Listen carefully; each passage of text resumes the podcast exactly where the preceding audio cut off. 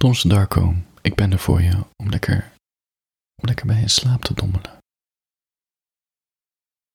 Zodat je niet bezig hoeft te zijn met je eigen gedachten, maar gewoon met mijn wereld vol absurditeit en donkerheid en gevoelens die er gewoon mogen zijn, of ze positief of negatief zijn. Je weet wel, Tomse Darko. Die goede oude vriend. Voor je gaat slapen.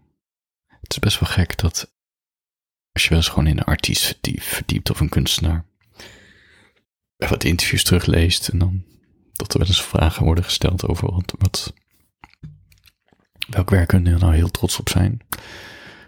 Ze hebben het vaak over heel ander werk dan waar ze bekend mee zijn geworden of wat het de mening van het algemene publiek is. Bijvoorbeeld mijn, een van mijn favoriete schrijvers, die heet Brad Easton Ellis, uit de jaren 80, begin jaren 90. American Psycho, uh, die film, maar is van een boek van hem, onder andere.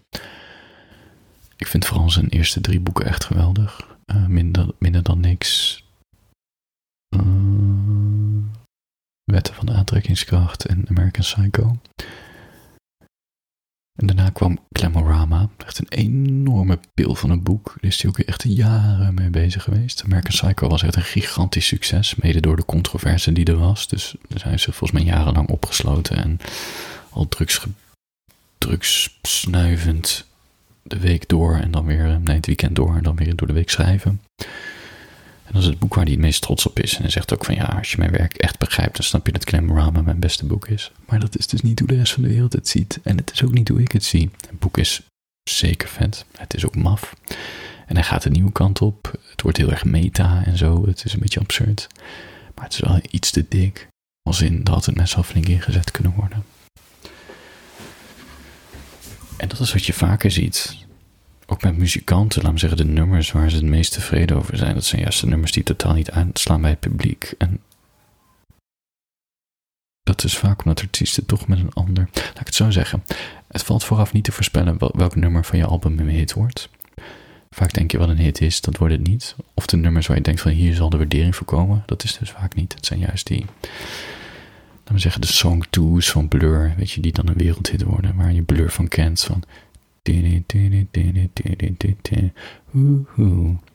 Volgens mij nemen ze dat nummer zelf niet serieus. En serieus niet. Zoek maar eens op op YouTube. Het nummer is volgens mij echt in een kwartier of zo geschreven. En dat is dan het meest beluisterde nummer. En dat is dan het nummer waar iedereen je van kent. Terwijl je als artiest zoveel meer bent. Ja.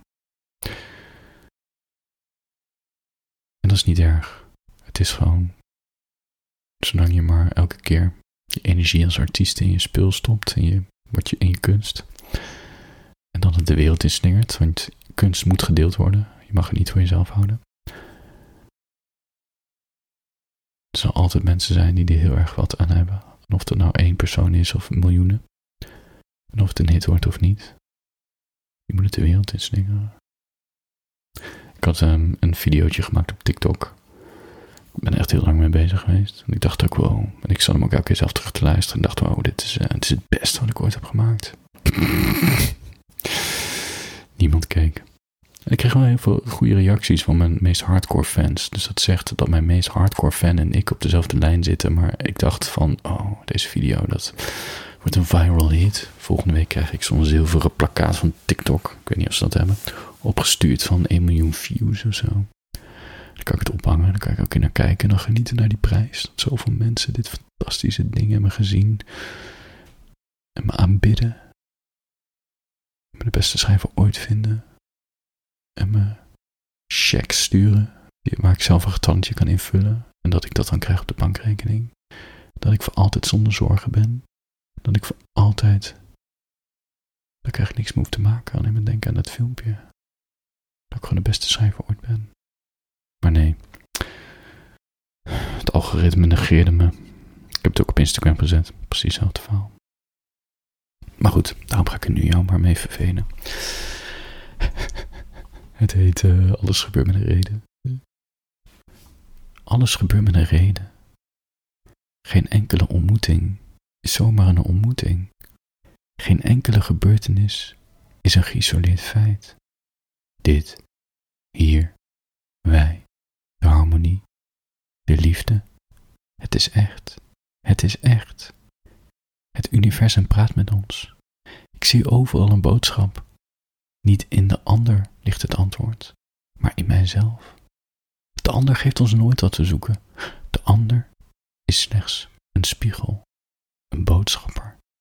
De ander laat ons zien dat we leven voor onszelf, dat we vertrouwen op onszelf, dat we houden van onszelf.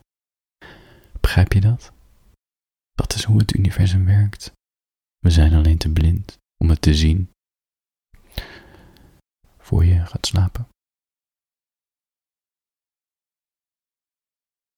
Ik zat nog even na te denken over, uh, over deze tekst. Nou ja, je kan hem kijken op TikTok. Um, en op uh, Instagram. Ik zal hem even in de show notes zetten. Show notes. Voor je gaat slapen. Um, ik wil nog even een verhaaltje voorlezen. Die heet Ik hoef jou niet te redden. Ik moet mezelf redden. De kilte omarmt me. Alsof hij een strik om mijn hart legt en het flink aantrekt een rilling over mijn rug. Dat idee dat je in een grote ruimte bent beland zonder ramen en meubels, slechts beton en zo'n muffe, vochtige geur. Ik zie eindelijk wie jij werkelijk bent, alsof ik wakker ben geworden uit de roes van mijn eigen drugs. Elke uitgesproken zin, elk appje, elke beweging van jou om mijn lijf aan te raken, elke vorm van aandacht. Het valt op zijn plaats. Ik ben voor jou niets meer dan een medicijn tegen de verveling. En jij bent niets meer dan dat vage romantische idee van wat ware liefde moet zijn in mijn leven. Dat ik elke keer voor moet werken om je aandacht te krijgen. Dat je elke keer weer van me walgt, zodat ik nog beter mijn best ga doen, zodat uiteindelijk de beloning komt dat je me wel een avondje echt ziet staan. Je doet alsof ik je aandacht en liefde moet verdienen. Zoals ik vroeger als klein kind thuis mijn aandacht en liefde moest verdienen. Maar in plaats van daarvan werd ik genegeerd of gestraft. Mijn ouders zijn geen verkeerde mensen, zeker niet. Ik snap ze in hun beperkingen. Maar toch doet het pijn, dit besef, dat mijn emotionele littekens patronen zijn geworden. Dat ik nog steeds hunker naar aandacht bij de mensen die me nauwelijks willen geven. Die doen alsof ik het niet volledig waard ben om voor te gaan, omdat ik het toelaat, omdat ik me zo dienstbaar opstel, omdat ik het woord nog hoorde toen je zei: Ik heb geen ruimte voor je. Ik kan je niet de aandacht en liefde geven die je nodig hebt. Ik heb nog geen ruimte voor je. Nog niet de aandacht en liefde geven die je nodig hebt. Maar je zei helemaal geen nog. Je zei eigenlijk: Je mag gerust langskomen voor wat intimiteit, maar als het begint te lijken op iets, dan pas ik. Maar zo hoort liefde niet te werken. In ieder geval niet hoe ik naar liefde kijk. De kilte die ik nu voel, die is koud, die is afschuwelijk. Alsof je je handen om mijn keel hebt gelegd en ik niet kan schreeuwen, me niet kan afweren, slechts zien hoe je me vermoordt. Maar ik moet, ik moet je van me afslaan. Ik moet van je weg. Ik hoef jou niet te redden. Ik moet mezelf redden.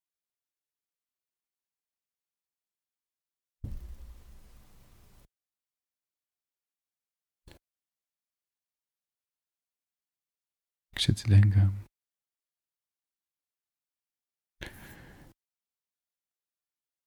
Of dit. Ik vind het een goede tekst. Al zeg ik het zelf. Volgens mij heb ik dit een. Ik heb zo'n reeksje gemaakt van 12 voor mijn vijfdaagse mail. Met echt hele goede proza teksten. Gewoon echt heel. Ja, dat klinkt heel gek. Thompson Darker steekt weer een in zijn eigen kont gehad ik experimenteer heel veel met teksten. Gewoon wat ik leuk vind. En om te doen, om te leren. soms is een experiment dat je denkt, vet, dit is gewoon uh, dat je ook nog een jaar later denkt van dat was een leuk experiment. Dat waren deze proza teksten ook. Omdat ik probeerde een dilemma voor te leggen en dan op het eind een inzicht. Dat was het, uh, dat was het experiment. Dus, dus dit haar inzicht is nu ja, ik zeg haar, het kan ook een man zijn. Ik, ik hoef jou niet te redden, ik moet mezelf redden. Ja, sterk. Ik zou eigenlijk nog eens een keertje zo'n reeksje moeten maken. Het was leuk om te doen. Maar uh, mijn tijd zit nu vooral in een boek afmaken. Niet zozeer in proza. Komt wel weer. Komt wel weer.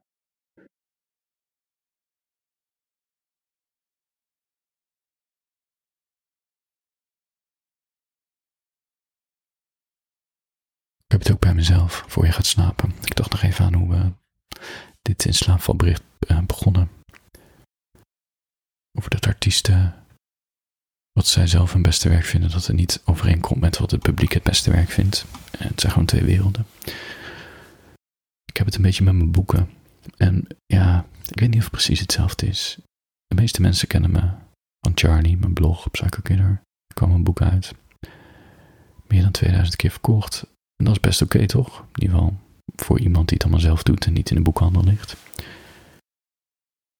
Ze volgt me niet terug. Dat is het tweede boek waar mensen me vaak aan herinneren. Maar ik ben doorgegaan als schrijver. Ik wil, ik wil gewoon andere thema's onderzoeken en andere schrijfstijlen proberen. Dus ik ben een, veel, ik ben een hele serieuze kant op gegaan. Um, ze gingen samen toilethoekje in .mp4 en Lieve Vreemdeling. Die twee eh, wat dunnere boekjes. Die zijn heel donker qua. En ze, hebben ook hetzelfde thema. Namelijk, we krijgen niet wat te verdienen. We krijgen wat te toelaten. En ik vind ze zelf ook bij herlezen. Ik denk, ja, ik zie mijn eigen groei als schrijver. En ik vind het gewoon gaaf wat het, wat het is geworden, die twee boeken. En um, ondanks dat niet altijd mensen, in ieder geval het, publiek uh, blijft me tot de dag van vandaag herinneren aan Charlie. Ze volgen me niet terug en heel af en toe aan deze twee boeken. Maar voor mijn gevoel liggen deze twee boeken veel dichter bij mezelf. En dat is natuurlijk wat telt voor mij. En um, dat, er is ook geen waarheid. Want ik heb de kunst gegeven aan de wereld en dan is het aan de wereld dat ze ervan vinden. Dus ze kunnen gewoon naast elkaar bestaan, ik, deze twee uh, meningen. Al doet het wel een beetje pijn als mensen zeggen: Ik vind Charlie nog steeds je beste boek. Dan denk ik: Nee. Je zegt: Dit boek lijkt het meest op jouw leven, of dit heeft het meest met je gedaan. Het is een persoonlijke ervaring. Het is niet het beste boek. Het is het beste boek wat bij jouw leven past, of bij jouw gedachten. Snap je? Maar goed, doet er ook niet toe.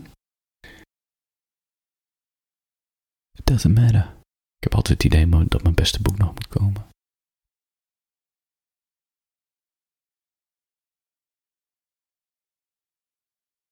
Misschien maak ik mezelf tot de al wijs. Ik heb mijn beste boek al geschreven. Nee, het is geen competitie. Dus ik geloof ook niet in dat mijn beste boek nog moet komen. Ik, ik ga verschillende kanten op. Ik ben zo'n artiest waar de stijl elke keer van verandert. En uh, ja, sommige, uh, het ene publiek blijft je oudere werk vet vinden. En negeert je. En je, en je vindt met je nieuwe stijl weer een nieuw publiek die het heel vet vindt. En ik ben ze allemaal even dierbaar. En waardeer iedereen die onderweg eventjes helemaal into Thompson Darko was. En ik ga gewoon door als artiest. Ik moet ook wel. Ik wil mezelf niet. Ik wil niet hetzelfde blijven doen. Ik wil niet hetzelfde blijven schrijven. Ik was geen moment gewoon klaar met Charlie. Ja, ik kan niet gewoon 15 jaar lang over Charlie schrijven. Je hebt van die thriller-schrijvers die dan gewoon 30 jaar lang over hetzelfde personage schrijven. Ja, ik vind het echt een horror idee.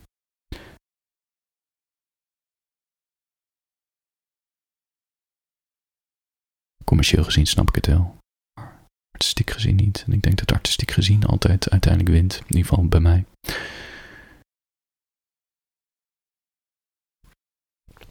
Dus die TikTok-video die niemand heeft gezien, is het beste wat ooit heb gemaakt. En dan kan het algoritme van TikTok.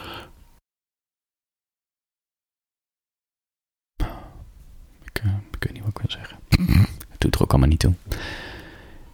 Ik. Uh,